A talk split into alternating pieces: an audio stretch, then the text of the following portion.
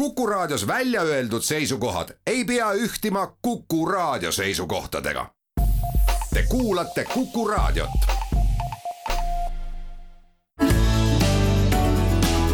keskpäevatund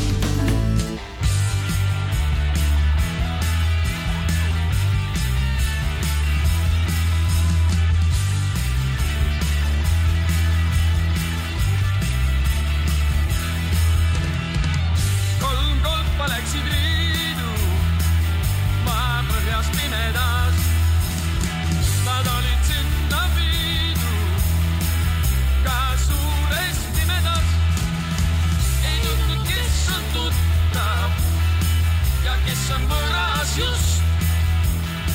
Nad vastastikku tundsid kõik pärast võõrastust.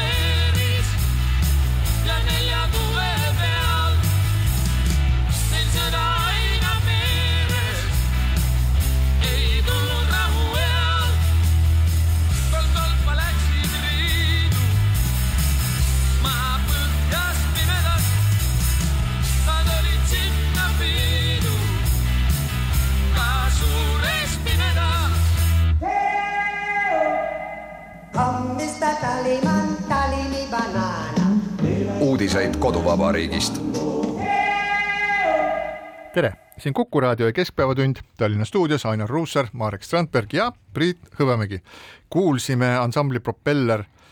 võllalaulu nimelist lugu, sõnad on kirjutanud Hando Runnel, mis väga hästi ja mitte esimest korda sobib siis valimiskampaaniate algusesse Eesti Vabariigis. et äh, valimiskampaania on käima läinud samal ajal kui võib-olla nii väljaannete toimetused kui ka inimesed tänavatel ehk ootavad, et millal siis teatatakse, et valimiskampaania on startinud, aga erakonnad on kavalad, nad lihtsalt hakkasid selle asjaga hoogsalt peale ja mulle tuleb meelde Eesti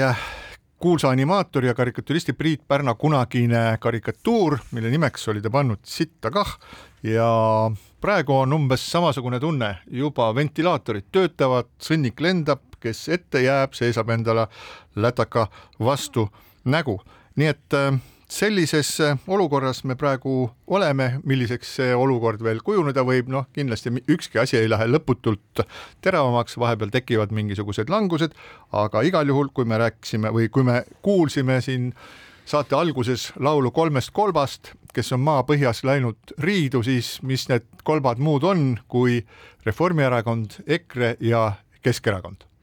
nojah, seadus muidugi määratleb ametliku valimiskampaania alguse, aga noh, vähemalt viimased viisteist aastat ei oma see küll mitte mingisugust tähtsust, sest et valimiskampaania algab ikkagi tunduvalt varem. lihtsalt kuulajale meeldetuletuseks, et praegu ei ole kõik valimisnimed, nimekirjadki veel lukus, et äh, on paar parteid, kes on teatanud, et jah, nende nimekirjad on koos, aga aga mõned veel ikkagi sabistavad seal oma esi- ja, ja taganumbritega, nii et aga jah, muidugi kampaania käib, selle kampaania märksõnad on vastandumine, selle kampaania märksõnad on kohatine madal stiil, kohatine halvustamine, konkurendi halvustamine, kohatine ignorantsus, noh, ma ei tea, mida veel. igal juhul ma julgen küll öelda, et see valimiskampaania paistab natukene rohkem silma kui võib-olla neli aastat või viis aastat tagasi olnud valimiskampaania no eks ju kõik valivad mingisuguse kontseptsiooni, kuidas esineda ja mida teha ja noh, need on veidrus kuubis, üks jäi mainimata, sotsiaaldemokraadid, kes on ka lootusetult tülli läinud ja nagu aru saada, mille pärast ikka tülli minnakse, kellel kõrgem koht ja nii edasi, et kui nii-öelda toetajanumbrid ju vähenevad, siis on aru saada, et pinke ringmängus, kus klaverimängu lõppedes tuleb istuda, on ka vähem ja see tekitab meeletult pingeid. mis on nagu omapärane, on see, et nagu vahendeid valimata kõikvõimalikud asjad, nagu siin ka üks äh, Riigikogu esimeeski, eks ole, mida vaid on võimalik kasutusse võtta, tantsib, laulab, hüppab, kehastab rahva isa ja noh, mängib tegelikult niisuguse, ütleme niimoodi piiri peal, et äh, nibin-nabin veel ja lõpuks inimesed kehitavadki õlgu, aga noh, see ongi iga poliitiku enda valida, millist trikki ta nagu inimestega teeb. Ja noh, selles mõttes loomulikult äh, kui talt küsib ajakirjanik Rahvusringhäälingus, et kuidas nüüd selle nupuga siis on, vastab Ratas, et mis nupp, ma tahaks rääkida rohkem millest iganes, lilledest, liblikatest, inimeste heaolust. ta, ta ütles mitte ainult äh, Rahvusringhäälingus, vaid Kuku stuudios, siis ta oli endale selle selgeks teinud ja rääkis väga pikalt ja põhjalikult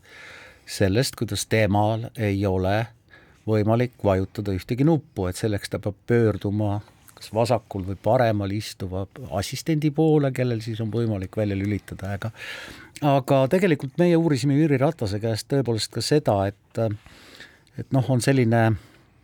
võib-olla põhjendamatult optimistlik suhtumine, et et rahva poolt valitud esinduskogu ei ole läbilõige ühiskonnast, nagu Jüri Ratas seda kogu aeg väidab, et see on, see on natuke midagi enamat kui lihtsalt mustvalge pilt, mis peegeldab seda, mis toimub Eesti ühiskonnas, et, et tahaks nagu ju uskuda või olla optimist või loota, et et sada üks rahvaesindajat on midagi natuke äh, midagi natuke enamat selle kõige paremas tähenduses, natuke elitaarsem selle kõige paremas tähenduses. aga noh, kui Riigikogu esimees ütleb, et äh, sada üks rahva poolt valitud esindajat peegeldabki tegelikult Eesti ühiskonda, siis noh, ju siis nii on. ja nüüd äh, tagasi tulles selle valimiskampaania olemise või mitteolemise juurde, et tõepoolest, et seadus määratleb äh, aja, millal siis valimiskampaania põhimõtteliselt algab, ehk aga see tähendab suures osas reguleerib siis reklaami ja majasuuruseid plakateid ja seda, kus me, kus me midagi kuuleme ja mis ajani me, me seda saame kuulda. et see on nagu selline tehnoloogiline raamistik, aga kui me vaatame nende valimiskampaaniate nagu sisu, siis tavapäraselt ja võib-olla see tava ei olegi enam selline, mis enam kehtib, et tavapäraselt on erinevad erakonnad tulnud siis välja mingisuguste suurte loosungitega, mis peavad kõnetama siis nende valijaid. nüüd üks suur probleem on kindlasti selles Eestis, et kuna meil on tegu suurte rahvaparteidega ja, ja meil on olnud Reformierakonnast, Reformierakonnast on saanud ettevõtjate erakond on muutunud nüüd siis suureks rahvaparteiks, kellel on vaja nii pensionäre kui ka rikkaid ettevõtjaid ka Keskerakond on selle suure rahvapartei lainel tükk aega ratsutanud, lihtsalt nende populaarsus on hetkel niivõrd väike, et neid ei saa suureks nimetada, aga kui me nüüd vaatame, et oma mahult ja populaarsuselt jõuab sinna suure rahvapartei nimekirja juba ka EKRE, nii et kui meil on mitu hästi suurt seltskonda, siis nad põhimõtteliselt selleks, et endale tagada maksimaalselt palju kõikvõimalikke hääli, et selleks neil on vaja igale elanikkonnagrupile või igale segmendile midagi siis pakkuda. ja noh, kui me mäletame, meenutan lihtsalt kunagist nagu Isamaa kampaaniat, kus ma mäletan, kolm punkti oli, ma mäletan kahte, üks oli siis majaaluse maa maksuvabastus ja teine oli tasuta kõrgharidus, selle maa-aluse maa maksuvabastusega ma olen nõus ja siiamaani tunnen selle üle rõõmu. tasuta kõrgharidus, äh, selle üle läheb mul kohe kops üle maksa, kui keegi hakkab seda rääkima, et praegu me elame sellises olukorras, et et meil on vaja sellest kuidagi, kuidagi vabaneda, mis tähendab seda, et isegi uurimuste põhjal tehtud äh, äh, valimisloosungid või, või kampaanialoosungid, nagu toona Isamaa tegi, et need ei pruugi töötada, need võivad anda ühiskonna seisukohalt nii positiivseid või samas komplektis ka täiesti negatiivseid tulemusi, nagu seesama see niinimetatud tasuta kõrgharidus, aga praegusel hetkel mulle tundub, et me ei tea üldse seda, mis on põhiteemad selles valimiskampaanias öeldakse, et see, kes defineerib valimiste põhiteema, et see tõenäoliselt on ka üks nendest võidumeestest, aga praegusel ajal mulle tundub, et meil on tegu sellise nagu puhta oportunismiga kõigi poolt, mis tähendab seda, et kui elektri hind muutub selliseks kuumaks teemaks ühiskonnas, siis ähm, hüpatakse elektri hinnale selga. Äh, ük-, üks ühelt poolt ja teine teiselt poolt, kui kõne alla tuleb siis Venemaa kodanike valimisõigus, siis kasutavad seda suuremad erakonnad ära ja nagu alati, siis äh, sotsid äh, ei oska seisukohta võtta, tammu, tammuvad ühelt jalalt teise ja teevad mõmm-mõmm, kui teil on kahtlus, siis mõmise, nagu õpetas Murphy seadus. meil on muidugi üks asi veel, õigemini neid ühtesid asju on päris palju ja need on globaalsed küsimused, et äh, sellises sõjas sellises nii-öelda ootusärevuses küsimuses, mis puudutab võimalikku tööstusrevolutsiooni ehk nõndanimetatud rohepööret, no ei ole olnud Eesti ega muu maailm ka kunagi varem ja kõige omapärasem on see, et tegelikult neis küsimustes, noh, nii-öelda sõjajärgse maailma küsimustes või sõjaaegse isegi, nagu ka selle tööstusrevolutsiooni osas, et hetkel ei ole näha mitte ühtegi piiksu, mis sealt tulema hakkaks, kuna ühtepidi, no piiksud tulevad, öeldakse, et see on täielik jama ja see tekitab meile tohutuid kahjusid, nägemata seal taga siis ikkagi kasvuvõimalust ja edenemise võimalust ja selles osas ma arvan, et üks masendavamaid asju, mida eelolev valimiskampaania või siis valimisloosungid endas kajastama hakkavad, on see, et ühtegi päris probleemi, ühtegi suurt probleemi, milles me erineval moel ju osalised oleme Euroopa Liidu kaudu ja igasuguste muude liitude kaudu, et nendega ei tegeletagi. küll aga on tõusnud erinevad toetused ja on määratud ära ka pensionide tõus, mis iseenesest ei ole ju ju halb, kui inimesi toetatakse, nüüd küsimus on see, et kas peab toetama tõepoolest kõiki ja küsimus number kaks on see, et kui sa tõstad toetusi või määrad uue toetuse, siis seda tagasi keerata on teoreetiliselt võimalik, aga praktiliselt peaaegu võimatu. samas eh, valimiskampaania käib, aga võimalikust tulevasest maksudebatist väga palju nagu keegi rääkida ei taha, aga ilma selle äh, maksude ümbervaatamiseta ja see ümbervaatamine ilmselt saab ikka olema pigem nagu maksude ülespoole liikumise poole kui alandamise poole, sellest nagu keegi väga palju rääkida ei taha. kõik piirduvad sõnadega, et jah, valime parlamendi ära, siis tuleb tõepoolest hakata rääkima sellest, millised saavad olema meie maksud no üks tõsisem asi maksudega seonduvalt on loomulikult äh, otse puudutab tervishoidu, kus äh, Riigikontroll on teinud väga põhjaliku töö.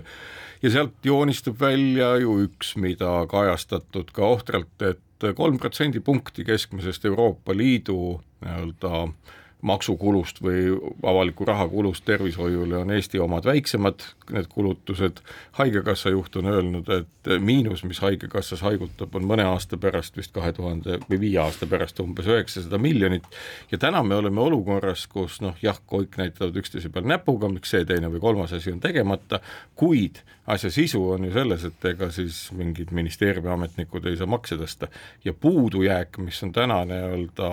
tervishoius, on väga suur. Ja küsimus sellest, kuidas seda katta, ei ole ka täna veel nii-öelda poliitiliste debattide osaks saanud, kas maksutõusust või sellest, et ikkagi Eestis tekib sama olukord nagu Saksamaal, kus erakindlustus on Haigekassa või Tervisekassa nüüd uues kontekstis meie jaoks tõeliseks partneriks ja need muutused on väga olulised, tegelikult need mõjutavad inimeste igapäevaelu, need mõjutavad kulutusi, need mõjutavad säästmist ja see ka ei ole muutunud veel meil arutelu objektiks. Tooksin selle jutu nüüd äh, ühe teema juurde, mis kindlasti hakkab defineerima meil äh, valimiste, äh, valimist, valimiseelset diskussiooni ja selle kulgu. Ja see on siis Vene kodanike hääleõigus kohalike omavalitsuste valimistel. nüüd Vene kodanike hääleõigus ei puuduta Riigikogu valimisi, ehk tegelikult see ei ole no nii-öelda formaalselt võttes üldse selle nende järgmise aasta Riigikogu valimiste eh, teema, aga see on polariseeriv, see on äh, äh, arutelu, mis toimub hästi sellises teravas Äh, rahvusvahelises kontekstis ja selles mõttes see on üks midagi, mis ei jäta mitte kedagi ükskõikseks. üks Nüüd... asi, ma segan vahele, on no, ikka, on ikka, sellepärast küsimus on mandaadis ja küsimus ongi nagu selles, et kui erakonnad tulevad välja äh, ja paluvad end valida ilma selle lubaduseta, siis pärast öeldakse, teil pole mandaati. nojah, et äh, täpsustades siis natukene seda, et Reformierakond on siis välja käinud sellise seaduseelnõu, mille järgi võiks valitsus oma otsusega julgeolekukaalutlustel ajutiselt piirata Eesti julgeolekut ohustavate riikide kodanike valimisõigust, et mitte siis kõikide, näiteks mitte Taani ja mitte Ameerika Ühendriikide ja mitte Suurbritannia kodanike valimisõigust, aga just nimelt Vene Föderatsiooni ja Valgevene kodanike hääleõigust. Ja eelmistel valimistel hääletas siis Eestis kohalikel omavalitsuste valimistel kolmkümmend tuhat nelisada kaheksakümmend seitse Vene ja Valgevene kodanikku, aga kokku on Vene Föderatsiooni kodanikest valimiskõlbulikud ligi seitsekümmend tuhat inimest, neist siis käivad valimas umbes nelikümmend kaks koma viis protsenti, aga noh, tont teab, võib-olla võib midagi juhtuda, et nende aktiivsus tõuseb. nüüd selle põhjuseks on see, et nad võivad oma volikogu, volikogudes, volikogude valimistel oma hääleõigusega mõjutada Eesti rahvuslikku julgeolekut ja põhiseaduslikku korda ja riigiväärtusi ja see on nüüd üks teema, millest hästi palju räägiti viimaste Narva sündmuste puhul, kus tõus, tõus, see teema tõusis üles ja kuulsime siis väga mitmetelt prominentsetelt äh, riigi õigusega tegelevatelt inimestelt äh, täiesti otsesõnu öeldud selliseid asju, et kohalikel omavalitsustel riigi asju ei otsustata, et äh, nemad otsustavad ainult selle üle, et kes saab sooja vett ja kuidas tänavaid parandatakse. vabandage väljendust, see on täielik jama, nii arvasin ma siis ja arvan ka nüüd, sellepärast et Äh, kohaliku omavalitsuse koosseis mõjutab seda, mis keeles koolis õpetatakse, mil-, millised äh, on selle kohaliku omavalitsuse prioriteedid ja kui me vaatame kas või siis nii Tallinna kui ka Ida-Virumaad, siis seal on sellised asjad väga olulised ja võivadki äh, tuua kaasa väga keerulisi öö, olukordi, näiteks kirjutab Postimees siis hääletamisõigusel on tagajärjed, sest häälte alusel moodustatakse kohalik volikogu, kelle otsustada on muuhulgas keelekasutus kohalikes koolides, eesti keele ja kultuuri kaitse ja edendamine kohaliku omavalitsuse territooriumil, see on eel, eelnõus niimoodi kirjutatud. ja selle üle siis hakatakse arutama, Isamaa ja Reformierakond seda võtaks EKRE toetaks, nagu ma aru saan, aga sotsid, nagu ma juba enne ütlesin, tammuvad jalalt jalale ja mõmisevad. ja Keskerakond ütleb, et ta on kategooriliselt selle, selle vastu. tegelikult tuleb seda meedet vaadata kompleksselt, et et noh, tõepoolest agressorriigi kodanikele on seatud ka mitmeid teisi piiranguid või kavatsetakse seada eks ole, üks asi on majandussuhted, teine asi on viisapoliitika noh, kolmas asi on tõepoolest see kohalike omavalitsuste valimistel osalemine, ega siis see, mis keeles sa räägid, ei tähenda seda, et kas sa saad osaleda või mitte, tähtis on see, mis värvi või mis riigi pass sul taskus on ja kaua sa oled siin selle aga kui on kaks passi? Noh, siis no, kui, kui siis... neist üks on Eesti pass, siis, siis sa saad valimas käia, eks no ole. jaa, aga noh, see ongi siis nii, et sa ei, sa ei tea, et kui, kui sul on selline inimene, kes valima läheb, sa ei tea, kes te,, kes tema kange tõmbab, kes nööre tõmbab, kes nuppu vajutab, selles mõttes ega ei maksa alahinnata siis tõepoolest nurka aetud äh,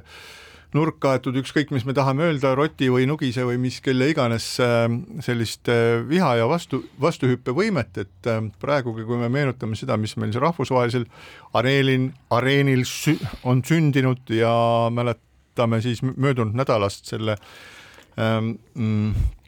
Putini eraarmee või selle Wagneri grupi omaniku, tõesti peab ütlema armee omaniku Jevgeni Prigožini sõnu, mis ta ütles, et me oleme Ameerika Ühendriikide valimisi mõjutanud, mõjutame ja teeme seda ka tulevikus täpselt ja kirurgiliselt, umbes niimoodi ta ütles, siis ma küll äh, ei arva, et meie oleksime siin otse Venemaa külje all kuidagi vähem tähtsad, nii et ei oleks olemas mingisuguseid plaane või ettevalmistusi ettevalmistusi selleks, et kuidas seda siis selle Russki Mirri võimalikke toetajaid siin aktiveerida, täiesti kindlasti on sellised plaanid olemas. no jaa, ainult et äh, noh, kaua me elame siis veel selles äh, olukorras, mida noh, mõned erakonnad äh, nii väga soovivad, et et ah, las nad tuhka, las nad räägivad seal volikogu istungitel vene keeles noh, neid ei ole väga palju, aga noh, üksikud, las nad siis räägivad. ah, las nad õpivad siis osaliselt ikkagi vene keeles, sellepärast et nad ei oska eesti keelt ja ei oska eesti keelt sellepärast, et neid ei ole õpetatud ja nad ei taha õppida. ah noh, las nad veel natuke aega omavad relvi, mis siis, et neil on taskus Vene pass, et ärme sellega nüüd väga kiirusta ja tark ei torma, ehk siis kõik see käib nagu niimoodi, et noh, muutused tulevad nagu iseenesest, ei tule muutused iseenesest, muudu-, muutustele tuleb kaasa aidata. ma arvan, et üks asi, mida kindlasti Eesti haridussüsteem või õigemini haridus nii-öelda lood vajavad, on veel kord tänase teadmise põhjal, mis meil Venemaast on, ikkagi kõik lood üle rääkida, ära rääkida, mis asi on see Russki Mir, ära rääkida, milline on Venemaa toimimispõhimõte, ära rääkida seda, et meie naaber tegelikult äh, inimesest ei hooli, et inimene on ikkagi selline statistiline mass, kui vaja, suudatakse, suunatakse nad hukule selleks, et saavutada mingit edu. Ja see pilt, mis ütleme Ukraina sõja tõttu tõttu õnneks meieni jõudnud on, on täpselt see, mida me vajame oma kultuuri, et inimestel oleks selge arusaam, kes on meie naaber. et meie naaber ei ole viisakam selle tõttu, et nagu sa räägid, selline leebus toimub meie peades ja me ütleme, et ah noh, mis seal ikka, vaid me peame nagu täiesti selge teadmisega välja joonistama, mis tegelikult toimub, kellega on tegemist, õnneks on ka väga palju toetavaid raamatuid kirjutatud just nimelt nimelt Nõukogude Liidu lõpust ja muudest asjadest, kust analoogiaid tänaste päevadeni on võimalik välja tuua. Ja noh, ütleme, mis seal ikka väga, et soovitada lugeda Äh, ja vaadata ka filme, mis on Erich-Maria Remarki Läänerindel muutusteta, täpselt see on see, mida me praegu Vene läänerindel näeme. ma arvan, ma arvan, Marek, et äh, seda leebust, sinu poolt mainitud leebust idanaabri suhtes nüüd ikkagi väga paljudes peades enam ei ole ja ka, ka küsimus on, kas õpilastel on, kas koolis räägitakse seda, küsimus on selles, millest meie lapsed lõppkokkuvõttes aru saavad, kus nad elavad ja neil on seda täpsust vaja jah, see kordamine on tarkuse ema, see ei jookse kunagi mööda külgi maha ja ja selleks on muidugi ka hoopis abs absoluutselt äh, teised kanalid, kus äh, need sinu poolt mainitud sihtrühmas olevad inimesed oma informatsiooni ammutavad, aga üldiselt äh, ma arvan, et me ikkagi saame täiesti adekvaatselt enamus siin elavaid inimesi sõltumata rahvusest, saavad suhteliselt adekvaatselt aru, milline on meie idapoolse naabri režiim ja ja milline on nende poliitika ja ilmselt saavad ikkagi kusagilt kätte ka teated sellest, kuidas, kuidas inimelu ei tähenda selles riigis peaaegu mitte midagi. ja no absoluutselt nii, absoluutselt nii jah, et ma tahaks ühe metafoori veel tuua selle kohta, et asi oleks piltlikum, et põhimõtteliselt on meil juba mõnda aega siis sellest kahekümne neljandast veebruarist avatud selline võimaluste aken teha ära need olulised asjad, mis mingisugustel mulle arusaamatutel põhjustel on jäänud viimase kolmekümne aasta jooksul Eesti Vabariigis tegemata, ehk see aken on lahti, aga nagu iga aken sellises ajaloolises olukorras, kõik need lähevad korraks lahti ja siis nad sulguvad vähehaaval, et kui Eesti ei oleks omal ajal siis avanenud võimaluste akent ära kasutanud ja ennast äh, vabaks, äh, vabaks võidelnud, siis võiksime olla mingisuguse ripatsi või provintsina siiamaani Venemaa küljes. nüüd see aken on avatud, meil on vaja ära teha minu meelest järgmised asjad, meil on vaja ära teha eestikeelne kool ja nii, et selle üle enam ei vaidelda, vaielda, meil on vaja ära teha eestikeelne ajalooõpetus nendes koolides, mis lähevad eestikeelsele õppele üle, nii et selle üle enam ei vaielda, meil on vaja äh, võtta relvad Vene Föderatsiooni kodanikelt, siis on meie süda rahul, me võime rahulikult magada, isegi siis, kui need inimesed on võivad olla rahumeelsed ja tublid jahimehed, aga sellest hoolimata teeb see kergelt närviliseks ja meil on vaja lahendada vali äh, Vene Föderatsiooni ja Valgevene kodanike kui meile vaenulike riikide äh, kodanikelt valimisõiguse äravõtmine. nüüd see, mida teevad nagu sotsid ja mida teeb ka Keskerakond, et nad kogu aeg venitavad aega ja mida kauem nad seda aega venitavad, seda väiksemaks see pilu jääb, kui me suudame selgelt ja ühiselt ja, ja kontsentreeritult need asjad, need neli asja minu meelest, mis on kõige olulisemad, need neli asja korda, äh, korda saata, ühel hetkel mingitel põhjustel, ma ei tea, algavad mingid rahu läb, läbi, läbirääkimised, aken prantsatab kinni ja meil pole enam seda momentumit, et need asjad korda ajada, sellepärast tulebki seda teha kiiresti ja isegi siis, kui tekib mingisuguseid probleeme, siis neid hiljem lahendada, kui meenutame lihtsalt näiteks omandireformi seadust, mida äh, pärast parandati, ma ei tea, ma arvan, kümneid ja kümneid, võib-olla mitukümmend korda, mis oli alguses suhteliselt selline kiigadi-kaagadi, aga ta pani põhialused meie edasiminekule ja nende seadustega saab teha samamoodi. just, Priit, ma ainult ühe lause lisan, et absoluutselt ma olen sama meelt, et need asjad tuleb ära teha kompleksselt, mitte niimoodi, et ah, vaatame äkki aastal kolm, kaks tuhat kolmkümmend kuus hakkame eesti keeles ajalugu õpetama ja äkki aastal kaks tuhat kakskümmend neli on kõik relvad äh, vaenulike riikide kodanikelt meie käes. teeme selle asja kõik korraga koos ära. just, ja väike paus siinkohal. keskpäevatund. ja Keskpäevatund jätkab Ainar Ruussaar, Marek Strandberg ja Priit Hõbemägi ja räägime nüüd sellest, kuna me relvadega lõpetasime, lähme relvadega ka edasi.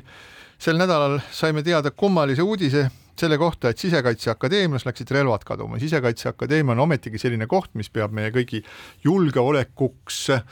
vajalikke inimesi välja koolitama ja kui ma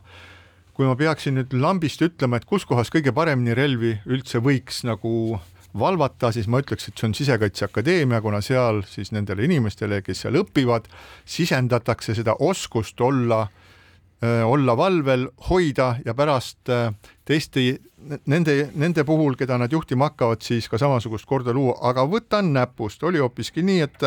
tuleb välja, et aastate jooksul oli Sisekaitseakadeemias täielik venekeelse sõnaga bardakk, et mitte midagi seal ei funktsioneerinud, mis puudutas siis relvade hoidmist, ei olnud määratud relvurit, kui üks relvur äh, lahkus ja uus tuli, siis ei korraldatud relvade üleandmist ja relvad ja siis äh, erikaitsevahendid, te kujutate nüüd endale ette sellist asja, et äh, tegelikult ma ei tea, kui palju neid siis relvi seal üldse on, aga ma saan aru, et neid relvi on seal siiski päris tublisti. Ja nüüd on relvatuba ja seal on keegi inimene, kes neid võtmeid taskus kõlistab ja siis annab kellelegi laskmiseks relva ja siis võtab selle jälle tagasi. Ja siis tuleb uus inimene tööle ja see uus inimene ütleb, et noh, et teeme siis nagu öö, võtame üle, et sina annad mulle üle, kõik me loeme üle, öeldakse, et ei, ei, et mis, et ega mina sain ka kogu selle kupatuse niisama. oli nagu oli. oli nagu oli, et võta. võtsin näed, üle äh, nagu on. võta, võta nüüd need võtmed ja viruta kaevu, eks ole. ja see on täiesti uskumatu ja ma tõepoolest, ma ei saa aru, Sisekaitseakadeemias puudub aastatepikku kontroll relvade üle, kusjuures selle kohta on tehtud auditeid, selle kohta on olemas seadusi, mis määravad väga selgelt ära, kuidas relvi tuleb hoida ja rektor, hea rektor, kes siis ähm, astus selle tõttu ka tagasi ja saatis oma kolleegidele kirja, head kolleegid, head õppurid. Äh, võttes siis endale vastutuse, no ma, ma, ma tahaks väga loota, et see vastutus ei piirdu sellega, et ta lihtsalt läks selle oma, oma töö, töökohalt astus tagasi, vaid et ähm, tõepoolest, et seda asja uuritakse väga põhjalikult, võib-olla leitakse need relvad üles ja sellise jama eest ähm, tuleks ikka päris tõsiselt ma ei taha öelda, et ma ei, ma ei taha kedagi karistada, aga ma arvan, et vastutuse võtmine lihtsalt nagu tagasiastumisega ei tohi antud juhul piirduda. Sain... jah, see segadus tegelikult, see segadus, segadus suurendab tegelikult seesama, mis auditist välja tuli, et puudub, puudub äh, teadmine, millal see võis juhtuda, oli see kaks aastat tagasi, oli see kümne aasta jooksul etapiviisiliselt koos relvadega kadus üle saja erivahendi ja nii edasi, aga muidugi see ei ole nii lihtne, nagu sina, Priit, kirjeldad, et lähed, võtad äh, allkirja vastu kapist relva, lähed, lased kolm lasku märklauda, siis annad selle relva allkirja vastu kapi tagasi, et väga paljud äh, kadetid on tegelikult ka amet ametis ähm, noh, näiteks politseis, samal ajal kui nad õpivad ja neil on kinnistatud relv, ehk siis nad võivad selle relvaga, mis on neile kinnistatud, aga selleks on ka oma väga karmid reeglid, võivad ikkagi sealt väravast sisse minna ja väravast välja tulla. ma saan aru, et üks asi veel, mis siin nüüd välja tuli, oli see, et avalikkus seedis seda, et ah, mis need olid, mingid nõukogudeaegsed relvad, Makarovi püstolid näiteks, et tegelikult ei olnud see üldse nii et äh, hoopis teistmoodi. no nii väidetakse jah, mul ei ole faktilist kinnitust, aga kõik äh, kes on sel teemal sõna võtnud, öelnud, et jah, tegemist oli nõukogudeaegsete relvadega. Äh, korraks on läbi käinud ka Makarov, aga, aga samas on ka see noh, on, on ka inimesi, väga kõrgel positsioonil olevaid inimesi, kes on öelnud, et nad ei soovi relvamarkidest rääkida, noh kontrollimatu fakt, mida ei tohiks raadioeetris esitada, aga jah, väidetavalt ikkagi nendest äh, kadunud relvadest osa olid küll võib-olla pärit Nõukogude ajast, aga ei olnud toodetud Nõukogude Liidus. no Austrias toodetud klokk näiteks valmistati tuhande üheksasaja seitsmekümne üheksandal aastal esimest korda ja see oli sügav Nõukogude aeg. küll Venemaal, mitte Austrias. no minu kogemus äh, relvade ja siis laskemoonaga ütleb mulle seda, et kui sellises kohas, kus kasutati relvi ja jagati välja laskemoona, kui üks padrun oli puudu, siis ei saanud keegi enne magama, kui see padrun oli üles leitud. rääkimata sellest, et mingisugune tulirelv kaoks kuskile ära, et selles mõttes nagu Eesti Vabariigis ütleme, olukord, olukord on ikka kummaline küll, väga kummaline küll. Ja ma saan aru, et need erivahendid selle, selle teema juures on huvitav see, et jaa, tõepoolest keegi ei taha nüüd nagu täpselt rääkida, et mis sealt siis nagu kaduma läks ja ja erivahendite hulka siis nagu mina aru saan, kuuluvad ka koerad, et ma loodan, et ükski koer siiski, kes oskab inimesi jälitada, sealt ei ole kaduma läinud, ma arvan, et seda mitte, aga erivahendite hulka võivad kuuluda ka siis nagu kuuli- või killuvestid ja mitmesugused äh, käerauad näiteks, aga miks mitte siis ka elektrilised inimese rahustamisvahendid, mida nimetatakse ilusa nimega taser, mis äh, võimaldavad suurepäraselt mingisugust pisikuritegevust või midagi muud, et kui sa tahad kedagi röövida, saadad talle kaks elektrooti ja kümme tuhat volti keresse ja siis teed taskud tühjaks. see sinu poolt kirjeldatud äh, padrunite ülelugemine äh, vist pärineb Nõukogude armee ajast, et mina pean tunnistama, et kui mina Nõukogude armees olin, siis mul oli küll kogu aeg taskus piisav padrunite tagavara et ma alati andsin tagasi nii palju padruneid, kui oli, aga, aga lasketiirust, kus kakskümmend venda korraga paugutasid, siis sealt sai ikka kolm-neli padrunit iga kord kõrvale panna. Jah, aga põhimõtteliselt nüüd me olemegi siis sellises olukorras, et noh, mulle tundub, et see, see kommunikatsioon, mis peaks nüüd äh, nii äh, siseministeeriumist kui Sisekaitseakadeemia poolt äh, Äh, tulema, mis peaks siis avalikkusele ütlema, et äh, olge rahulikud, et selles mõttes, et me oleme leidnud need äh, asjad üles, aga praegu toimub nagu, on nagu hämar värk, et okei okay,, et ütleme. Neid ei ole üles leitud just, just nimelt, kuidas see, kuidas tont võtaks, kuidas on selline asi võimalik, et ma, ma, ma nagu lihtsalt ei saa aru, ma lihtsalt ei saa aru, kui keegi oskab mulle seda seletada või teab, mis, mis põhjused seal on, et töötajad vahetusid relvi üle, ei loetud akte, ei koostatud Äh, kes lahkus, andis lihtsalt võtmed kellelegi üle ja siis läks jälle sinna relvade hulka sorima, et et äh, nüüd mina, ma ootan seda, et siin tuleb väga selge ja korralik nagu kommunikatsioon selle kohta, et mida me, mida me sellest asjast äh, äh, peame arvama ja mida me, mida me siis peame tegema, kui keegi tuleb meile pimedal tänaval vastu ja hakkab mingisugust elektrilist seadet kuskilt taskust välja kiskuma. ja, ja noh, ma kardan, et see lootus on õhkõrn, et kui mõni äh, Vene passiga inimene tuleb ja annab vabatahtlikult oma relva ära ja selleks osutub äh, seesama Sisekaitseakadeemiast kadunud relv, siis, siis ma arvan, et sellist asja ei juhtu. ja siinkohal väike paus. keskpäevatund keskpäevatund jätkab, Ainar Ruussaar, Marek Strandberg ja Priit Hõbemägi. kui ma eelmisest või mööduvast nädalast peaksin ühe uudise otsima ja välja pakkuma, mis minu meelest äh, näitab seda, kuidas ühes maailma osas hoolitsetakse loomade eest ja kuidas ja, ja selle kõrvale tuua näite, kuidas teises, teises osas käitutakse inimestega, siis äh, meil oli möödunud nädalal selline juhtum, et et äh, kolm noort luike sattusid linna, see kaks täiskasvanut, üks ikka hallikas noor ja olid sattunud siis Postimehe maja lähedusse, jalutasid seal ringi mööda elava liiklusega tänavat ja ei saanud aru, kuhu nad peavad minema. ja siis tuli Päästeamet, kaks suurt autot, terve hulk mehi ja nad jalutasid need linnud mööda Tartu maanteed kuni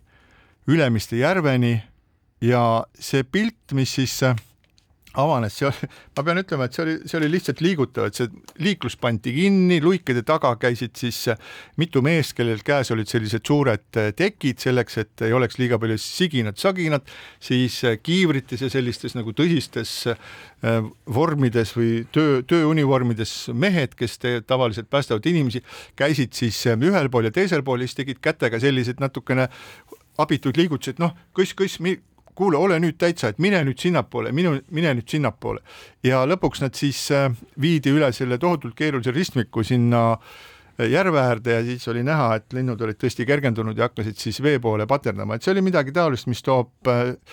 mis toob ka pisarad silmi, et selline hoolitsus on nii vajalik selles maailmas, mis on muutunud nii külmaks ja julmaks ja kõledaks ja kui sa siis õhtul loed uudistest midagi sellist, kuidas Venemaa poolt okupeeritud Ukrainat lihtsalt, lihtsalt tänaval lastakse inimesi maha sellepärast, et nad juhtuvad seal olema või mingisugusele sõdurile tundus, et et mis asja ta seal töllerdab, et võib ta ju ära kustutada või et kui antakse kõige kõrgemal tasemel, antakse siis käsku selleks, et äh, ukrainlased tuleks hävitada Viimseni maa pealt ja tampida nad tagasi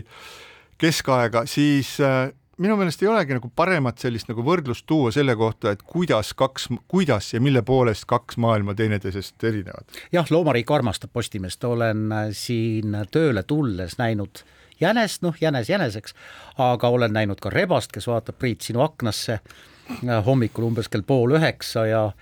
ega ta ei jooksnudki mu eest väga ära, paar sammu tegi, vaatas pea viltu huviga, kes ma olen selline. ma arvan, et see on, et kõik märgid ütlevad veel kord seda, et et äh, inimene on noh, kogu aeg me oleme asustanud ennast tegelikult ju muude elusolendite keskkonda. Ja täna me näeme seda aina selgemalt, meil on rohkem aega seda tähele panna ja nüüd ongi oluline küsida nagu järgmised küsimused, et noh, piltlikult öeldes, et äh, kaua siis veel, et kui ulatuslik peab olema inimese sekkumine kõikvõimalikesse looduslikesse süsteemidesse, loomulikult kasumi ja raha nimel, et äh, meile veel selgemaks saaks, et me oleme läinud mingis osas kõvasti-kõvasti üle piiri, kasutades looduslikke ökosüsteeme rohkem, kui meil võib-olla õigust oleks, kui selline õigus kusagil olemas on. see on ka õige, aga samas ma arvan, et inimene ei pea nagu häbi tundma sellepärast, et on edukas liik inimene on ikka edukas liik sellepärast, et ta on edukas liik ja ei ole kasutanud mingisuguseid nii-öelda ebaseaduslikke vahendeid selleks, et edukas olla. ja vot siin on nüüd see küsimus, et mida tähendab olla edukas liik, et no ütleme, äh, ütleme, edukas liik tähendab olla seda, et sa sõida, et sa oled äh, väljaspool äh, toiduahelat ja teised ei kontrolli sinu paljunemist. me ei ole kahjuks väljaspool toiduahelat ja no, üldiselt me oleme loomad, loo, loomad meid ei söö üldiselt selles mõttes no võime ka nii võtta, siin jooksevad meie maailmapildid mõnevõrra lahku, aga tühja sellest. okei okay., aga räägime natukene ka sellistest kõvematest asjadest, nimelt kavatseb siis ettevõte nimega Silmet rajada Ida-Virumaale magnetite tootmiseks suur tehas ja magnetid on midagi taolist, mis on tänapäeva maailmas muutunud üha olulisemaks, kuna üha rohkem kõikvõimalik kokku sellist ähm, tehnilisi vahendeid, mis meid ümbritsevad, äh, need töötavad elektrimootorite peal, elektrimootor, elektrimootor, mis siis iseenesest siis on äh, nii generaator kui mootor on, on üsna vana leiutis ja ei ole kuigivõrd palju muutunud, aga tänapäeval on olemas uued, äh, uued leiutised ja uued tehnoloogiad, mis võimaldavad neid palju paremini käitada. nojah, ja ma saan aru, et selle uue loodava äh, magnetite tootmise tehase, Narva loodav magnetite tootmise tehase peamine nii-öelda toodangu sihtrühm on ikkagi elektriautode tööstus, mis ta, mida on, mis on hakanud paljunema õnneks, elektriautosid tuleb üha rohkem ja rohkem juurde, on riike maailmas, kes teevad nende hankimisega soodsaks tänu võimalik, kõikvõimalikele maksusoodustustele, nii et tundub, et, et, et seda turgu nagu võiks olla taust muidugi ka selles, et üks asi, mida paljudel muudel magnetitehastel ei ole, on see, et nad kavatsevad hakata olemasolevaid nii-öelda magneteid, mis muudest masinatest üle jääb, ümber töötlema. muidugi, ega kogu tehnoloogia areng on alati selline mitme otsaga asi ja kui laiemalt rääkida, siis noh, ümbertöötlemiseks ressurssi jääb kõvasti, täna hinnatakse, et saja tuhande tonni magnetmaterjalide asemel tuleviku vajadus nende järgi on kolmsada tuhat tonni juba kümne aasta jooksul. teisalt jälle, ega leiutajad ei maga. on ka leiutatud lahendus, kuidas ilma sädelemiseta nii-öelda pöörlevatele osadele elektrimootoris elektrit üle kanda ja magnet asendada tegelikult elektrivoolus tekkiva magnetväljaga et tehnoloogia areneb, aga loomulikult keegi peab ehitama ka mingeid vabrikuid ja see, kui nüüd selle tähendus maailma energeetika jaoks on oluline, selle üle saab ainult rõõmu tunda. Miks ei, miks see, miks selline tehas võiks olla Eesti jaoks oluline, üks asi on kahtlemata selle äh, nii-öelda ettevõtte omanike äh, tulude ootus, see on arusaadav, kunagi oli üks selle ettevõtte loojaid, oli siis äh,, oli mm, ekspeaminister Tiit Vähi, see Silmet ostjaks küll, mitte loojaks. jah, et äh, jah, see oli siis Nõukogude ajal loodud, loodud tehas, mis siis ka erastati, see Silmet tähendab iseenesest minu meelest üldse Sillamäe metallurgia või või, või midagi taolist, üle elanud mitmesuguseid äh, kataklüsme ja, ja muudatusi ja praegu vist muut-, müüdud ühele hästi suurele välisfirmale, aga milles need positiivsed äh, pooled minu jaoks nagu paistavad, esiteks kogu seda asja tuleks vaadata siis sellises äh, globaalses kontekstis, kus kus nii Euroopa Liit kui Ameerika Ühendriigid on aru saanud, et väga palju tootmist, kõrgtehnoloogilist tootmist on koondunud Hiinasse ja kui näiteks tarneahelad katkevad või tekivad mingid poliitilised või sõjalised konfliktid, siis ei suuda Ameerikas ja Euroopas väga paljud ettevõtted toota äh, oma to-, anda oma toodangut sellepärast, et nad ei saa mingisuguseid komponente Hiinast või kas või sellepärast, et äh, nagu Covidi tõttu, et need asjad ei jõua sinna, teiseks on see kahtlemata või tundub, et see on selline, on selline noh, tehnoloogia, mis, mis võiks olla perspektiivikas just nimelt kõikvõimalike elektrimootorite osas, kui seal on taaskasuta-, kasutamine, siis see on omakorda hea ja siis ma arvan, et kolmandaks ka see, et seal on ikka üsna pikk kogemus muldmetallide töötlemisel. et need võiksid olla head äh, sellised alguspunktid sellise asja tegemisele, kuidas see asi Lisa, muidugi läheb, seda ma ei tea. lisan ühe positiivse asja veel juurde, ma loodan, et see ei ole ainult või ei jää ainult pressiteate sõnastuseks selle loodava Narva või kavandatava Neo Performance Materials tehase kohta, et koos tootmistehasega sisaldab see projekt ka teadus- ja arenduskeskust, et kui sinna ka tõepoolest tuleb tehase juurde, mis toodab magneteid, ükskõik millised need on, ka teadus- ja arenduskeskus, siis on see minu meelest suurepärane mõte. ja no Silmet, mille juhatuses on mul õnn olnud ka töötada, veel ennem kui Tiit Vähi selle ära ostis, siis peab ütlema, et see nii-öelda tehniline kultuuritase, mis Narvas ja sealkandis Sillamäel olemas on, see on ikkagi vapustav ja väga kõrge ja ma arvan, et jätkuvalt. ja selle nädala uudis oli veel see, et äh, Estonia uurimine ei saanud enam jätkamiseks raha, mis tähendab seda, et kui äh, äh, kaks valitsust tagasi otsustati pärast äh, skandaalset või ütleme siis sensatsioonilist Rootsi ajakirjanike filmi, äh, kes olid merepõhjast filminud Estonia vraki küljes olevaid pragusid, mis oli suur uudis ja selle peale siis kogu Estoniaga, Estonia teemaga tegelev äh, seltskond tundis, et nüüd tuleb seda asja veel uuesti uurida ja kahtlemata oli selline su väga suur avalikkuse surve, siis eraldati kolm miljonit eurot selleks, et vrakki tõsisemalt uurida, tänaseks on seda uurimist tehtud juba nii palju, et äh, andmeid on kogutud, sisuliselt on kokku koondatud siis Ohutusjuurdluskeskuse Rene Arikase poolt, kes seda juhib, kõik olemasolevad materjalid filmitud juurde, on tehtud ka nagu era, Postimehe poolt on ka eraalgatuslikku uurimust äh, tehtud ja ka filmimisi ja merepõhja kaardistamisi. Ja selle kõige tulemusele on tekkinud üsna suur selline andmepank, mis nagu Arikas ütleb nüüd, et vajaks siiski veel uurimist kõikidele vastustele, kõikidele küsimustele vastust ei ole saadud, aga nüüd on juhtunud nii, et äh,